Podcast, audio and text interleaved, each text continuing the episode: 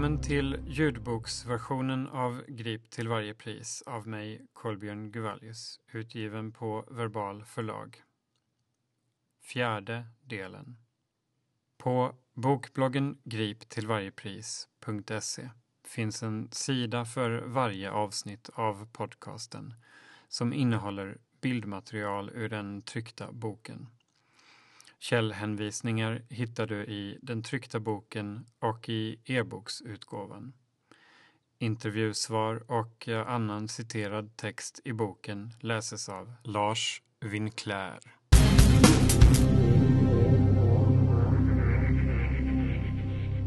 Del 2 Återkomsten 2003 till 2011 Rörelser i skuggorna Sommaren 2003 kommer och ett mindre vakuum uppstår i bevakningen av tunnelbanan efter att Falk har lämnat. Några lika effektiva metoder som de civila spaningsgruppen använde finns åtminstone officiellt inte på plats. Kostnaderna för skadegörelsen ökar under 2003 enligt SL med 20 procent jämfört med föregående år till knappt 113 miljoner kronor. En siffra som kan vara den högsta dittills. Men nya saker är på gång. I skuggan av avvecklingen av CSG Falk håller SL redan på att byta fot igen i frågan om civila väktare. Kjell Hultman är borta, men säkerhetschefen Johan Hedenfalk är uppenbarligen inte nöjd med att SL inte längre kan jaga klottrare civilt, trots att han helt nyligen har bedyrat att civila väktare är ett avslutat kapitel. Pendeltågsoperatören Citypendeln rekryterar den före detta chefen för CSG Falk, Josef, som anställs som säkerhetshandläggare. De börjar bygga upp en egen bevakningsorganisation i ett dotterbolag som ska komma att få namnet CIP Security, SIP Security, det vill säga Citypendeln Security. Det nya bolaget ska till att börja med bevaka pendeltågen. Såväl SIP Security som det idag avvecklade företaget Citypendeln sorterar under moderbolaget Keolis Nordic AB som är en del av den franska kollektivtrafikkoncernen Keolis. SL rekryterar samtidigt en efterträdare till Kjell Hultman på posten som trygghetsansvarig. Jeanette Hegedus, som fortfarande innehar posten, tillträder i november 2003. Hon har en bakgrund inom bevakningsbranschen som driftchef inom den numera avvecklade Prime Security. Bildas i nära samarbete med SL. Syftet med SIP Security är först och främst att bedriva bevakning inom den del av kollektivtrafiken som Citypendeln själva kör, det vill säga pendeltågen. Men det finns redan från början en tydlig ambition att utöka verksamheten. Bevakningsverksamheten inleds i november 2003 och företaget omsätter blygsamma 4,3 miljoner kronor det första året, då företaget endast har 13 anställda. Redan i juni året därpå byter företaget namn till Commuter Security Group, CSG. 2004 omsätter det 45,6 miljoner kronor och har 87 anställda. SIP Securities VD är under första året Stefan Winnerstam. Idag kallar han sig för Contract Controller på SL. Men 2002 till 2006 arbetar han som affärsutvecklare på Citypendeln. Han beskriver själv processen kring CSGs tillblivelse så här på LinkedIn. I samarbete med kunden etablerade Citypendeln ett nytt bevakningsföretag CSG. I detta arbete hade jag en central roll, dels som VD under första verksamhetsåret, men också i dialogen med kunden och för de avtal som förhandlades fram.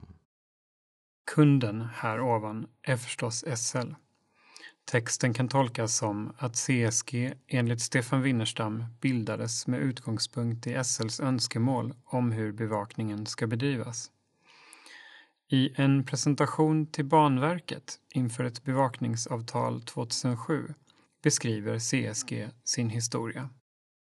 Bakgrunden till uppstarten var ett definierat behov inom kollektivtrafiken att leverera en ny typ av bevakningstjänst.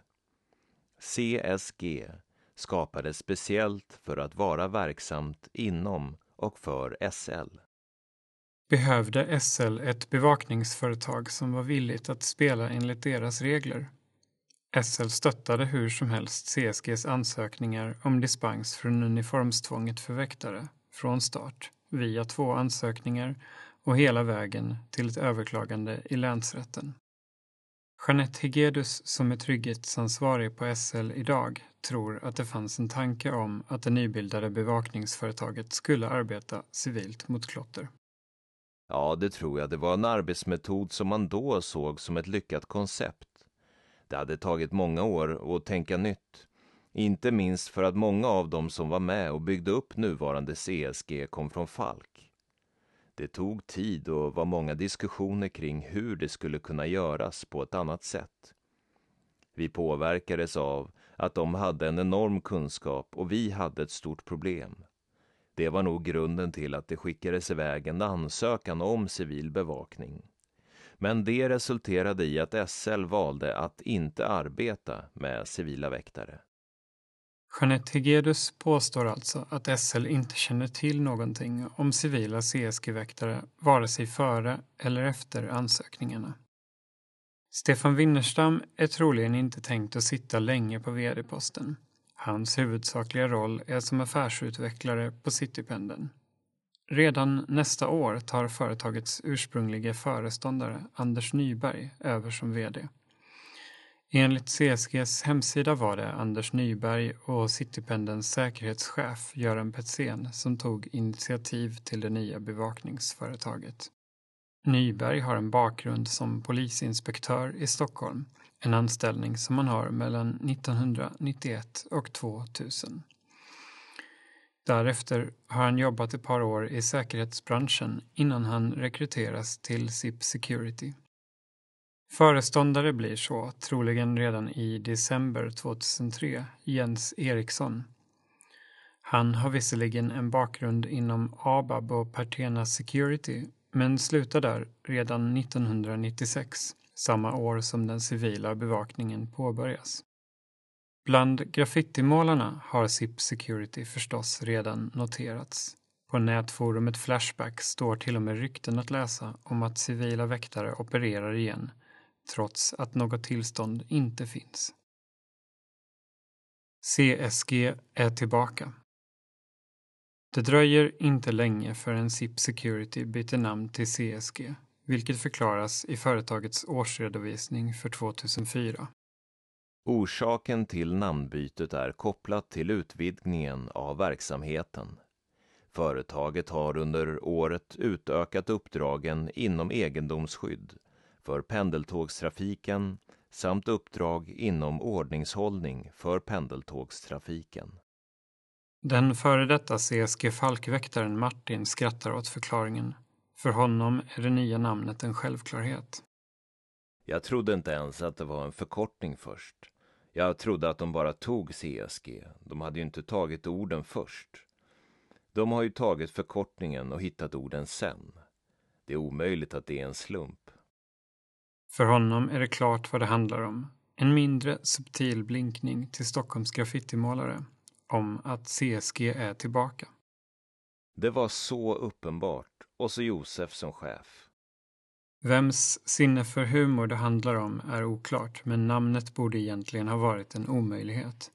Vad som helst, utom just den bokstavskombinationen, hade varit bättre om den nya verksamheten på allvar hade velat distansera sig från civila spaningsgruppen på Falk Security. Särskilt som flera personer rekryteras direkt ur den gamla gruppen. Den före detta chefen för CSG Falk, Josef, är anställd i CSG på en chefsposition från start.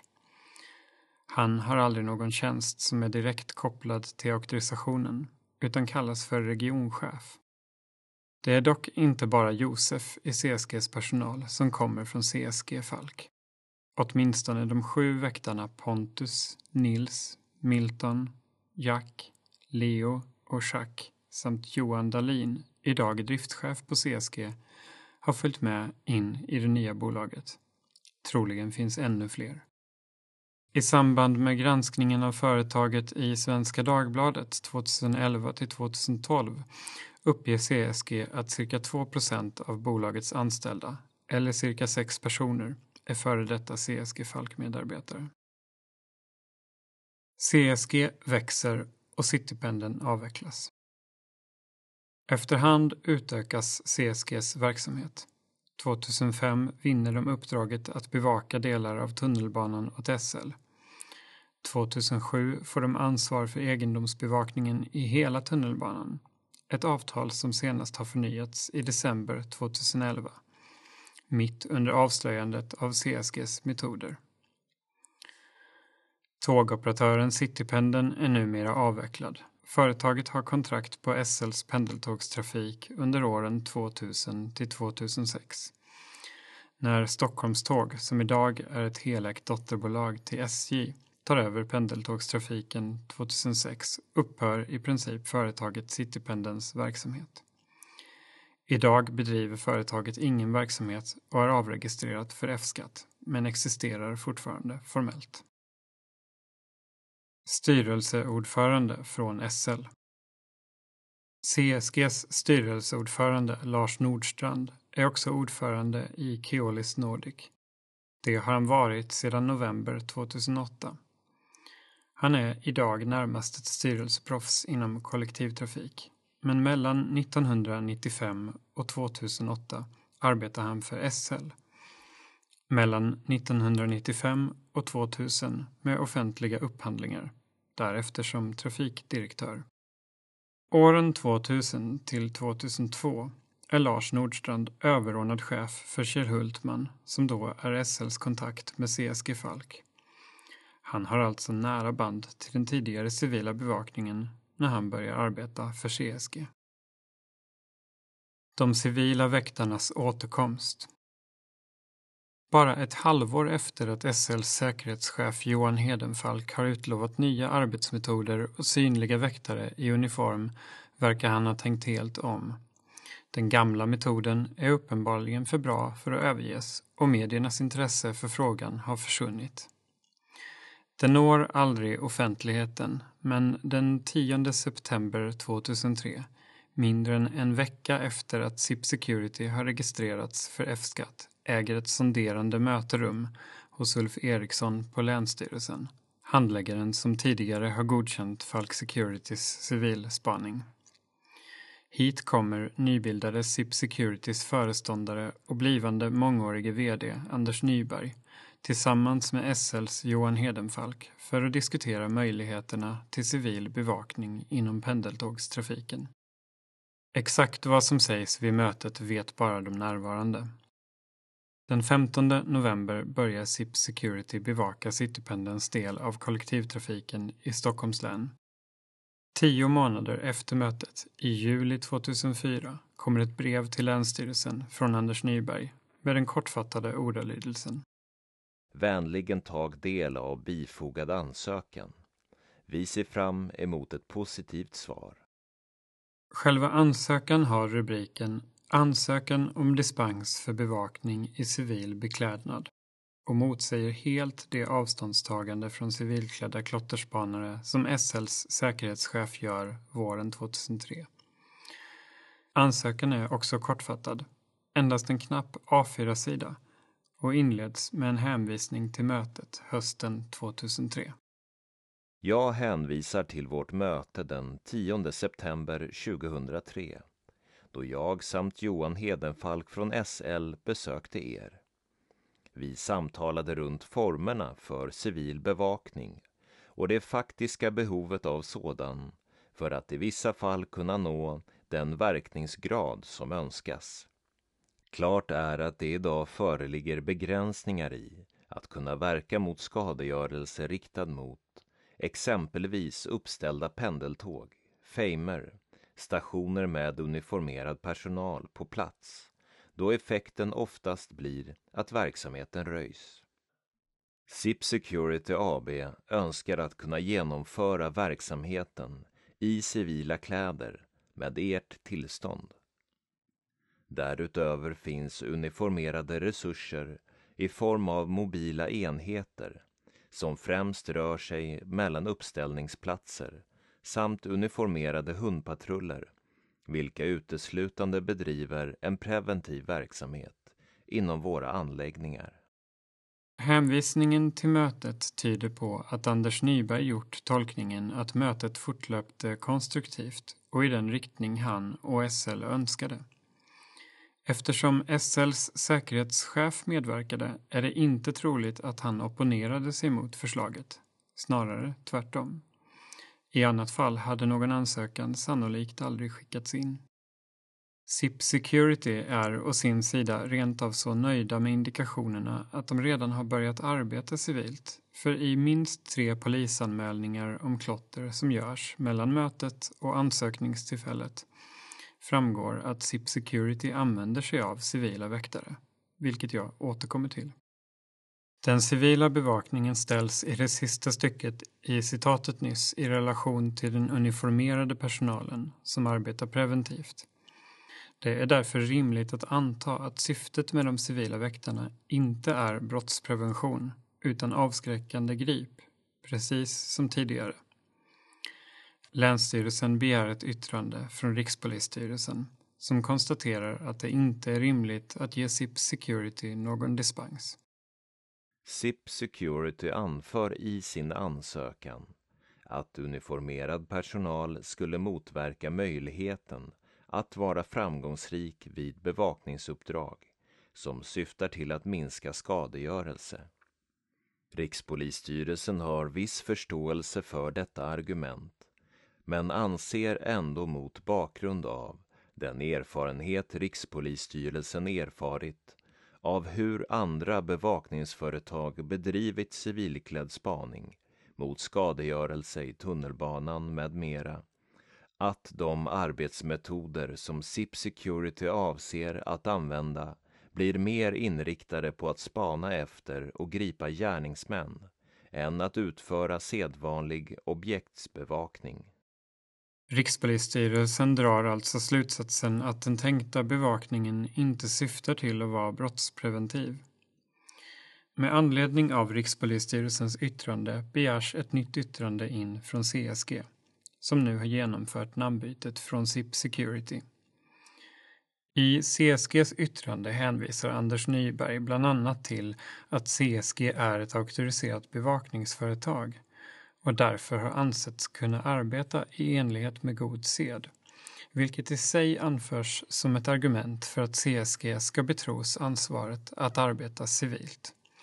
Han menar att enbart deras egen ansökan vittnar om att de är värdiga ett undantag.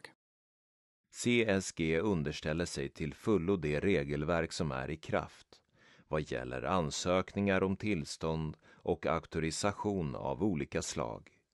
Därav bland annat denna ansökan. Kanske finns här ett första tecken på CSGs glidande förhållningssätt till regelverket. Att bedyra att regelverk följs och se detta som ett argument är i sig ett sätt att förhålla sig till regler som något som skulle kunna brytas. Försäkran om CSGs laglydighet återkommer efter några rader. Väktarna arbetar idag i uniform, då sådan är föreskriven i regelverket för bevakningsföretag. CSG ljuger här i ett brev till Länsstyrelsen om hur de arbetar. Det är troligen första gången, men långt ifrån den sista. De hävdar att de följer reglerna, men det är redan protokollfört hos polisen att de inte gör det. Det är det förstås ingen som tar notis om, eller får för sig att kontrollera, på nio år. CSG poängterar mängden klotter och jämför med hur butikskontrollanter tillåts arbeta civilt för att upptäcka snatteri. De understryker också att ansökan sker efter samråd med SL som ser nödvändigheten i att vid vissa tillfällen effektivisera verksamheten. Men Länsstyrelsen finner uppenbarligen Rikspolisstyrelsens ord väga tyngre den här gången. De sammanfattar sitt avslag så här. Det bevakningsuppdrag som Commuter Security Group AB vill utföra i civila kläder för att lättare kunna gripa gärningsmän kan komma att få karaktären av sådan kriminalspaningsverksamhet som det ankommer på polisen att utföra. Avslagsbeslutet är daterat den 3 december 2004. Ett drygt halvår senare, den 4 juli 2005, inkommer ett e-postmeddelande till Länsstyrelsen. Hej! Har Commuter Security Group, CSG, tillstånd att ha väktare som är civilklädda? En stor del av företagets anställda inom egendomsgruppen, egendomsskydd, går i civila kläder och utan vare sig mössa eller keps på arbetstid. Dessa väktare håller till på tunnelbanans röda linje för att gripa klottrare och andra typer av vandaler. De har på sig uniform, tröja, skor och byxor och sedan en civil jacka över för att täcka tröjan. Alltså syns inga märken på att de är väktare. De har heller inte på sig mössa, basker eller keps när de arbetar utomhus under dessa tider. När de gripit sina misstänkta så tar de av sig jackorna och lägger dem i väskan innan polis kommer till platsen. Brevskrivaren önskar vara anonym. Länsstyrelsen tar klagomålet på allvar och begär in ett yttrande från CSG som svarar. CSG har en klar och fastställd uniformspolicy för alla anställda där det finns tydliga direktiv från arbetsledningen hur uniformen ska bäras under tjänstgöring. Alla ingripanden som sker mot skadegörelse, klotter etc. av egendomsgruppen sker i uniform med tydliga instruktioner hur gripande går till och hur överlämning till polis sker. Yttrandet där CSG nekar till regelbrott är skrivet den 22 november 2005, drygt två veckor efter det senaste belagda fallet av civila CSG-väktare och tre veckor före nästa belagda fall. Exakt två månader efter yttrandet skickar CSG ett nytt brev till Länsstyrelsen med rubriken Ansökan om tillstånd avseende civil bevakning vid egendomsbevakning inom Storstockholms lokaltrafik. Precis som i sin föregående ansökan ett och ett halvt år tidigare är den full av fotnoter som refererar till reglerna för bevakningsföretag. CSG hänvisar återigen till det generella undantag från uniformskravet som gäller för butikskontrollanter.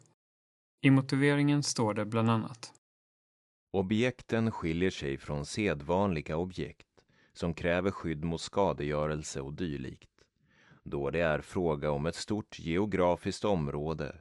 Det är fråga dels om objekt som har en fast plats och dels om objekt som är i rörelse.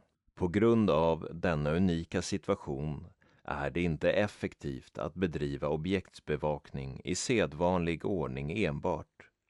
En klottrare som ser en väktare i uniform väljer naturligtvis att inte klottra just där och då. Klottraren kommer inte att låta bli att klottra utan endast att förflytta sig en station bort eller ett tåg bort. Av denna anledning är inte den nuvarande situationen effektiv. Den leder endast till en mycket kostsam katt och råttalek.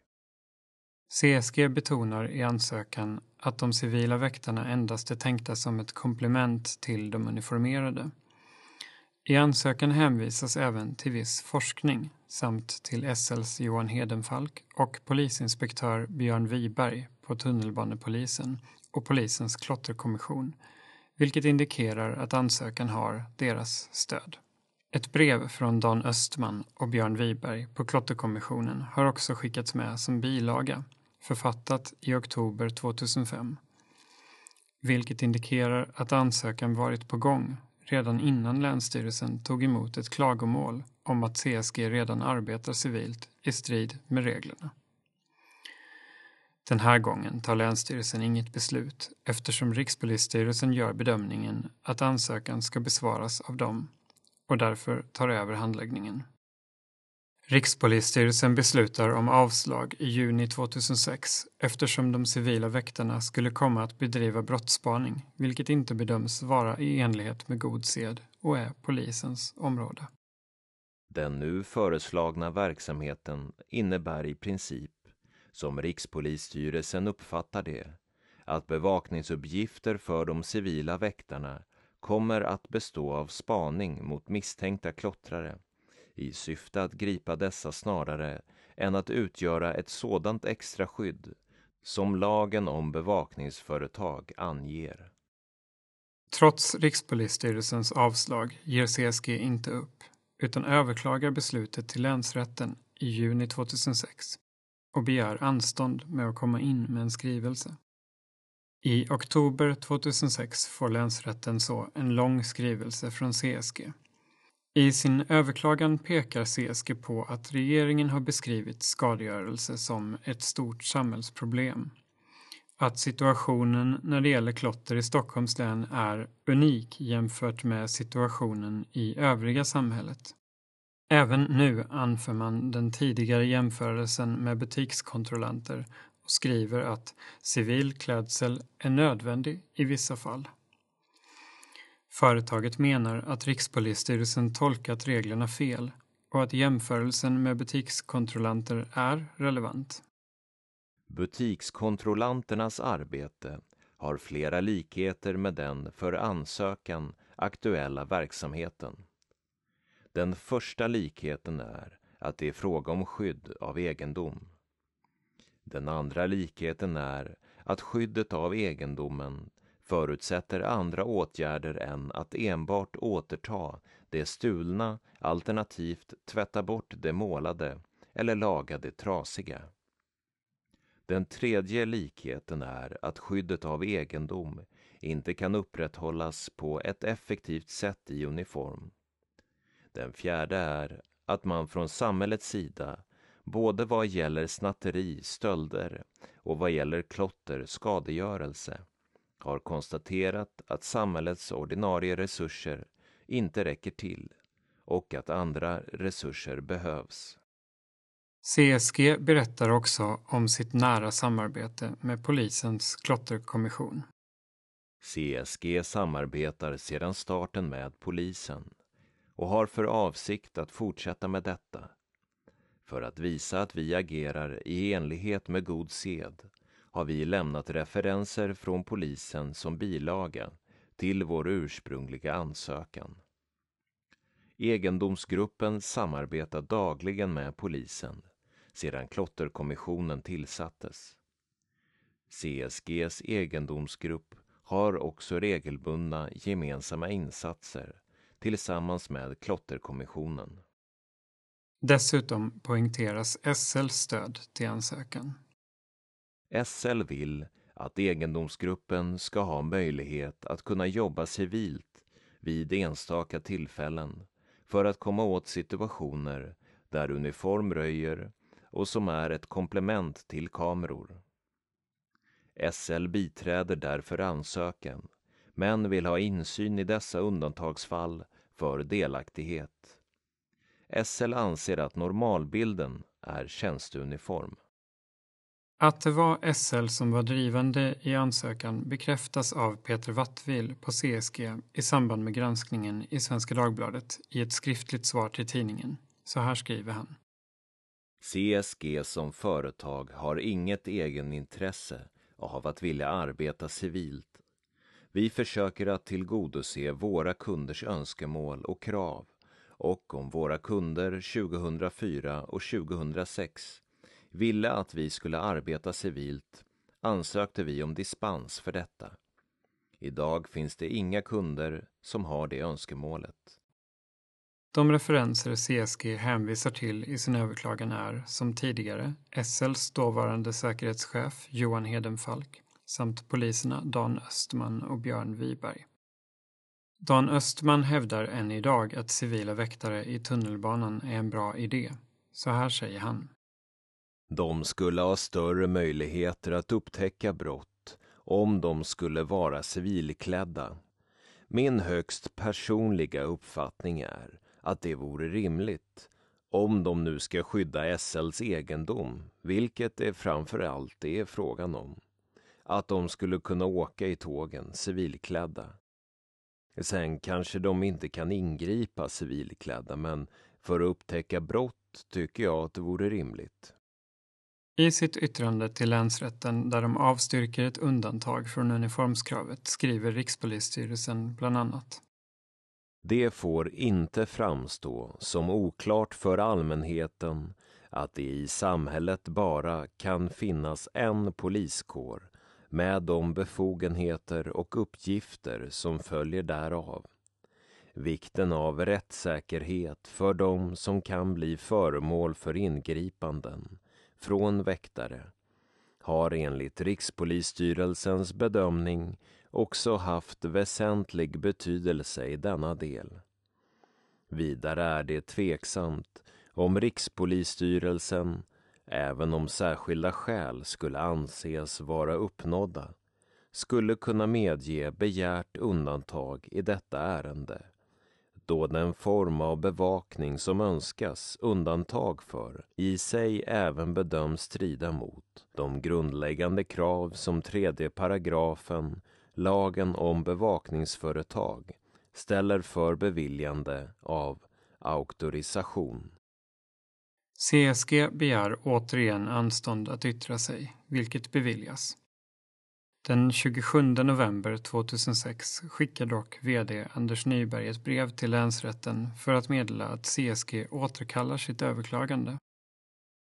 Därmed läggs målet ner och efter det tillfället ansöker inte CSG mer om att få arbeta civilt. Kanske har CSG förstått att de kommer att få avslag och vill inte ha en sådan dom offentliggjord. Ett drygt halvår senare genomför Björn Wiberg från polisens klotterkommission, vars chef Dan Östman har gått i god för att CSG inte arbetar civilt, en gemensam klotterinsats med poliser och civila CSG-väktare. Spelad dubbelnatur. Här finns två parallella historier. Det ansvarstagande CSG, som vill motverka klotter med okonventionella men korrekta metoder och därför ansöker om att få arbeta civilt, får avslag, ansöker igen och överklagar. Och det brottsliga CSG, som vid sidan av sina ansökningar arbetar civilt fastän de bedyrar att så inte är fallet. Förutom den anmälan som en privatperson gör till Länsstyrelsen cirkulerar vittnesmål om civila väktare på forum på internet. På hiphop-sajten Woes forum finns flera rykten om att väktare från CSG ligger och spanar i tunnlar och buskar redan 2005. Många påstår sig också helt korrekt känna igen flera av väktarna på CSG som gamla Falkväktare. Inlägg om att de även arbetar civilt finns på både WoW och Flashback, liksom om att de använt civila bilar och civila överdragsjackor. Liknande inlägg ska komma att förfölja CSG genom åren på olika nätforum. Den hårda jargongen på nätforumen har skapat en alternativ betydelse för förkortningen CSG, Cocksucking Group. Att graffitimålare inte tycker om att bli gripna och spyr galla över det på nätet är kanske inte så konstigt. Alla inlägg som görs anonymt på nätforum får förstås tas med en rejäl nypa salt. De bevisar ingenting i sig, men de indikerar en avsky mot bolaget. Alla dessa inlägg skulle kunna vara försök att smutskasta bolaget, om det inte vore för att det också finns belägg i åtskilliga polisanmälningar för att CSG spanar i buskar och arbetar civilt och i fordonsregistret för att de äger många civila bilar. Inte aktuellt för SL med civila väktare idag. Jeanette Hegedus, trygghetsansvarig på SL, säger att hon inte var delaktig i CSGs ansökan om att få arbeta civilt åt SL, men hon kände förstås till den. Vi skulle kunna ansöka på nytt, men vi har valt att inte göra det. Vi är inte en rullande butik som kan ha butikskontrollanter. Vår miljö är lite för komplex för att SL ska anse att det är rimligt att ansöka om civil bevakning igen. Hon medger att hon tycker att civila väktare hade kunnat göra viss nytta, men hävdar bestämt att SL inte anlitar sådana. Men med den bakgrund vi ändå har i frågan tycker jag att det är bra med viss försiktighet. Ett dramatiserat grip vid Gärdet. Mars 2005. Vinjetten med CSGs logotyp är snyggt 3D-animerad och kugghjulen rör sig mot den gröna bakgrunden. Men det vanliga strikta typsnittet är ersatt med ett typsnitt där bokstäverna har graffitistil.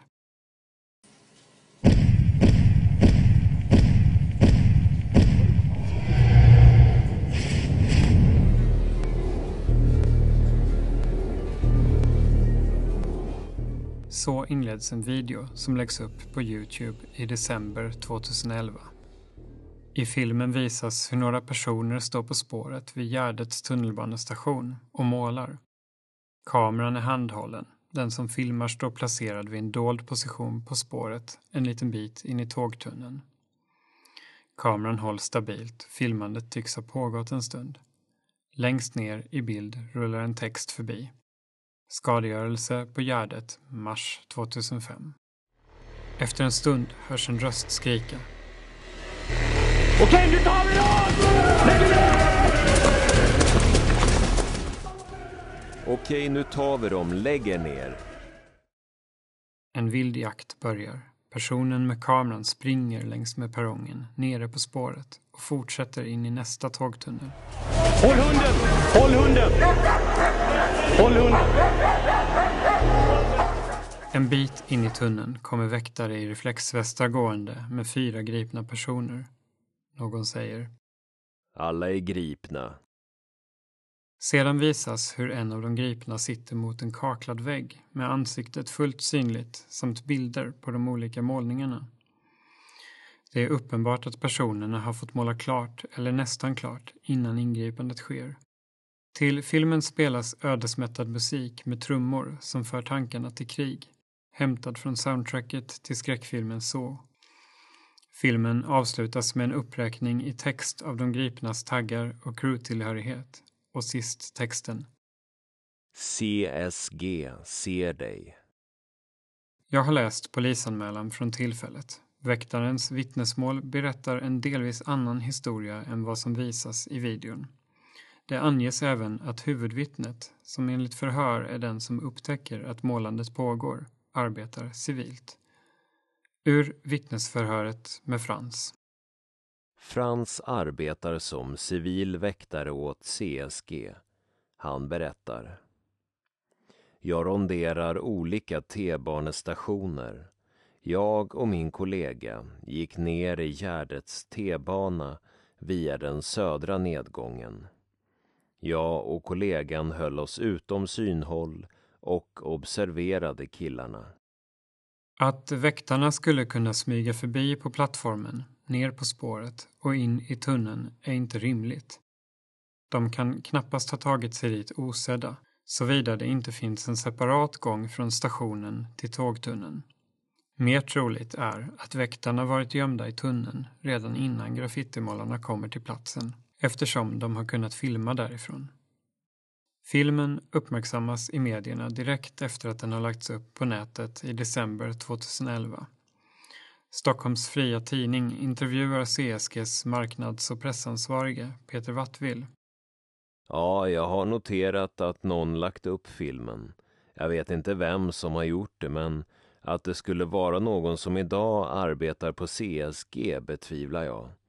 Filmen är snart sju år gammal, så den har ju ganska många år på nacken. CSG erkänner inte att företaget ligger bakom filmen men antyder att någon enskild anställd kan ha gjort den. Den professionella vignetten tyder på att producenten åtminstone har tillgång till CSGs logotyp högupplöst. Stör och filmar laglig målning. Juli 2007. Strax väster om Sundbybergs centrum ligger en stor industrifastighet längs med järnvägsspåren som tillhör en flyttfirma. Husfasaden mot järnvägen har länge varit täckt med graffiti. På 1980-talet målades väggen med ägarens tillstånd, men sedan dess har den förfallit genom snabba, olagliga målningar.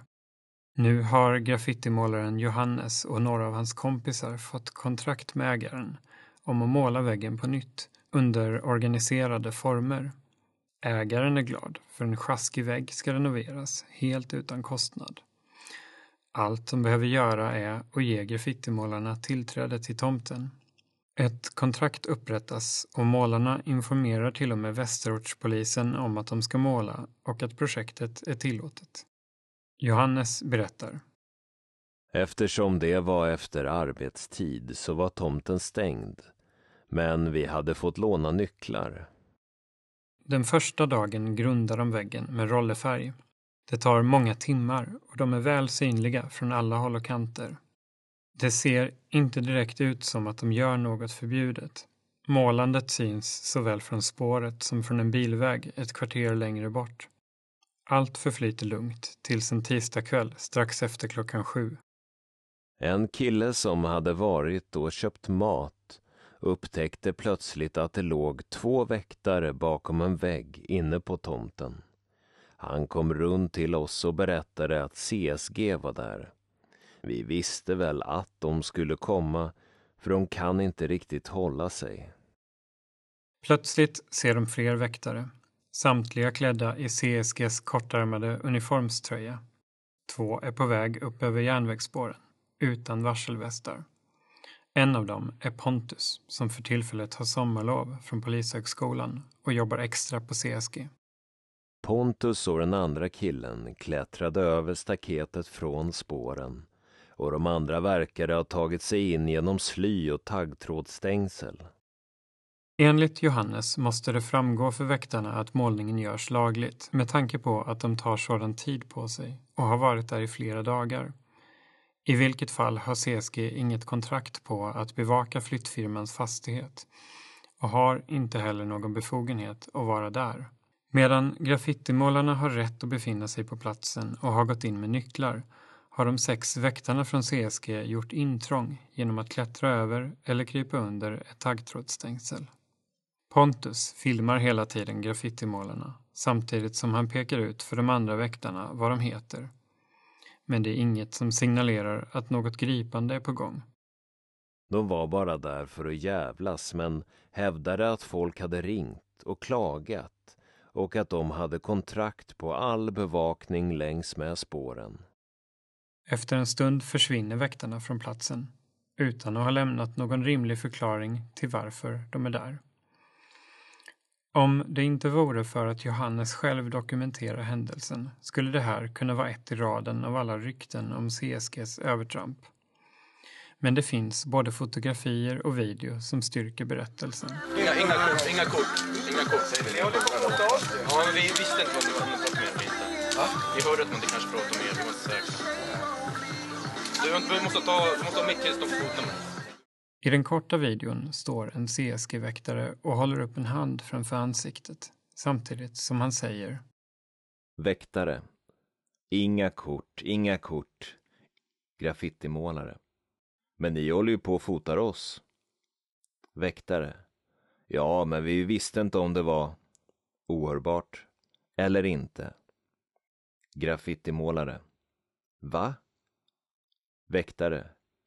Vi hörde att ohörbart kanske pratade om er. Det var inte så här. Eh, du, du måste inte ha, du måste ha mitt tillstånd för att fota mig. Det är intressant att tjänstgörande väktare öppet fotograferar och filmar personer. Det ingår nämligen inte i väktares uppdrag att göra det. Den enda rimliga tolkningen av handlandet är att de samlar in personuppgifter i syfte att kartlägga graffitimålare, vilket är polisiär utredningsverksamhet, något som bevakningsföretag inte får arbeta med.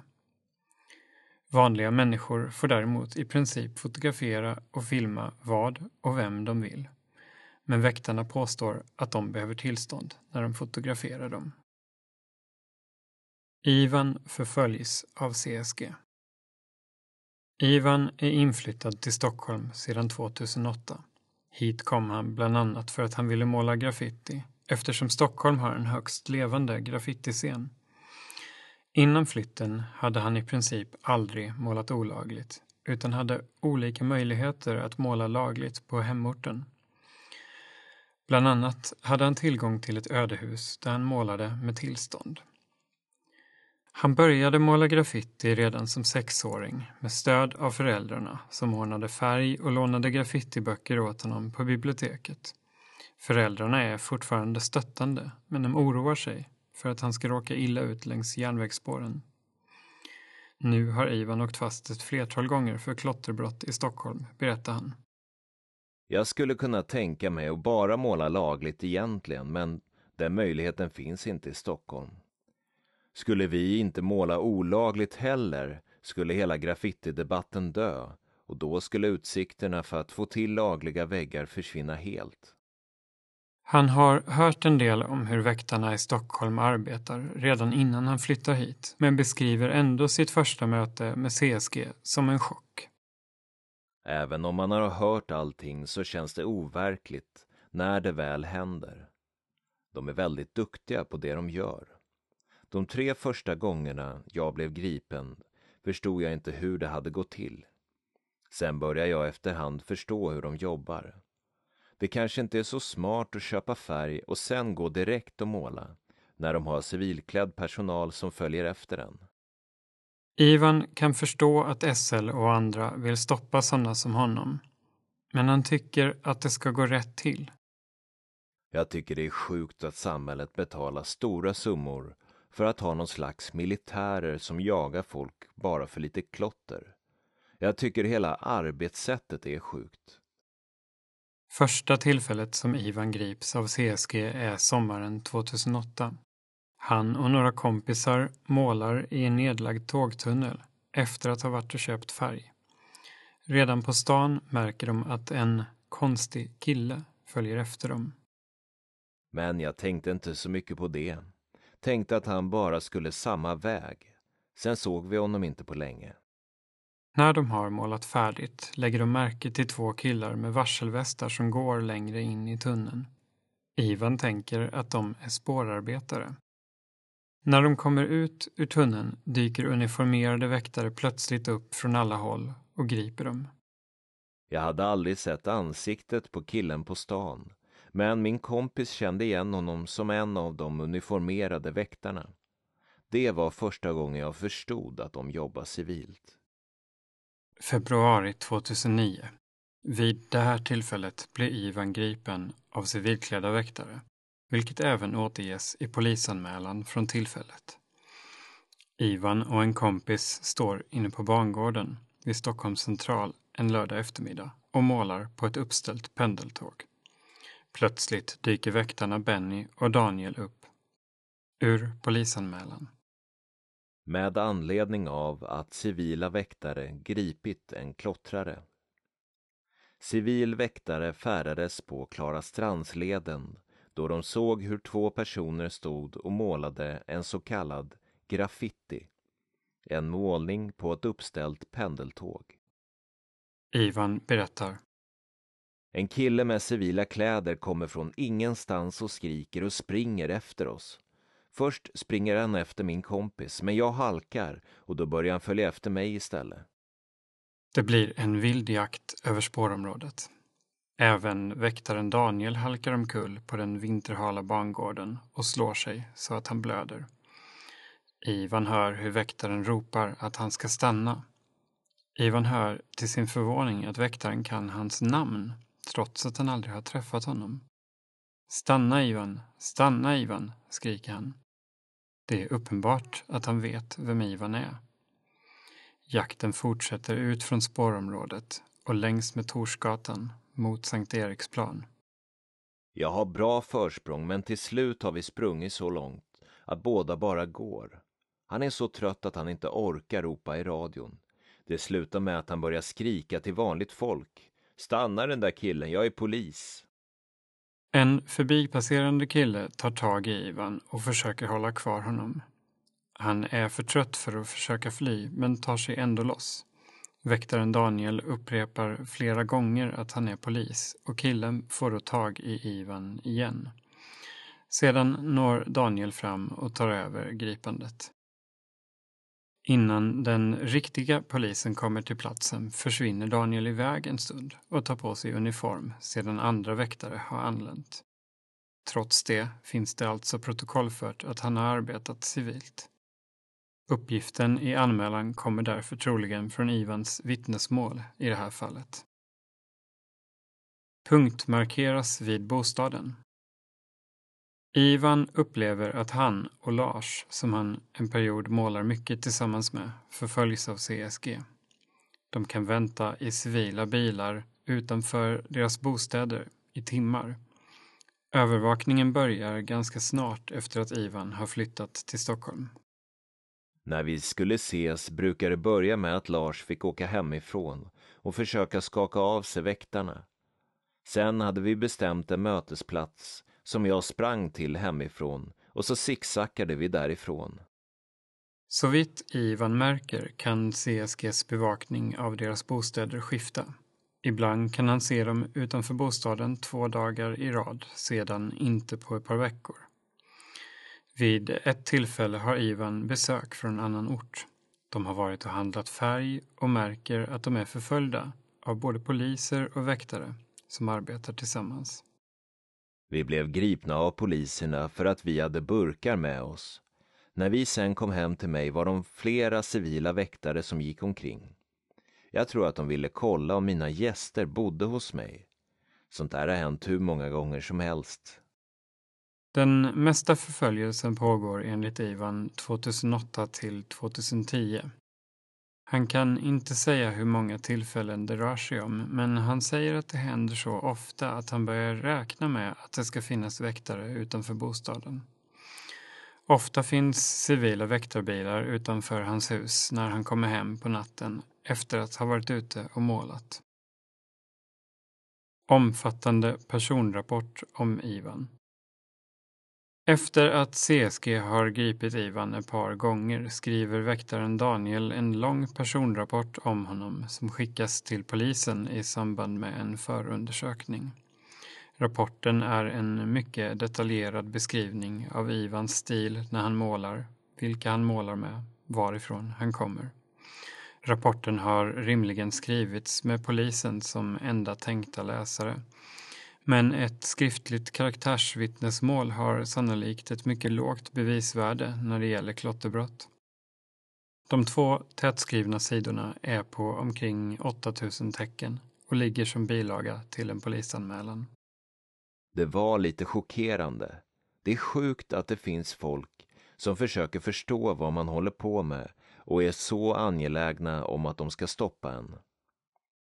För mig är det tydligt att det är en person som förstår en del om graffiti som har skrivit den. Men att han fått många saker om bakfoten. Det är konstigt att den kan dyka upp i en förundersökning. Varför har den här väktaren någon talan? CSG borde egentligen inte ens veta namnet på personerna de griper. Att väktare känner igen ansikten och vilka taggar personerna skriver är ofrånkomligt särskilt om personerna grips upprepade gånger. Men väktarna får inte förhöra eller göra andra efterforskningar. De ska bara hålla gripna i väntan på polisen. Ändå vet Daniel Ivans för och efternamn och varifrån han kommer. Om det hade varit en polis som hade skrivit det hade jag kunnat förstå det. Men att det är en väktare som har skrivit det är konstigt. Om det här kan komma till polisens kännedom så kan man tänka sig att de har mycket mer ytterligare information. Hade han kunnat skriva vad som helst utan konsekvenser hade nog min adress och andra personuppgifter funnits med också. Vet han så här mycket så vet han helt klart en hel del annat också. Hur många liknande personrapporter som CSGs informationsgrupp har skrivit till polisen går inte att säga.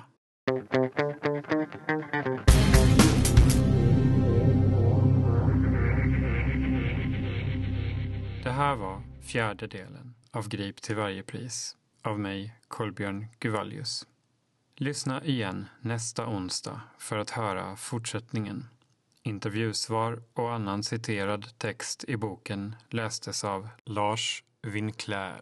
På bokbloggen griptillvarjepris.se finns en sida för varje avsnitt av podcasten som innehåller bildmaterial ur den tryckta boken. Källhänvisningar hittar du i den tryckta boken och i e-boksutgåvan. Tack för att du lyssnade.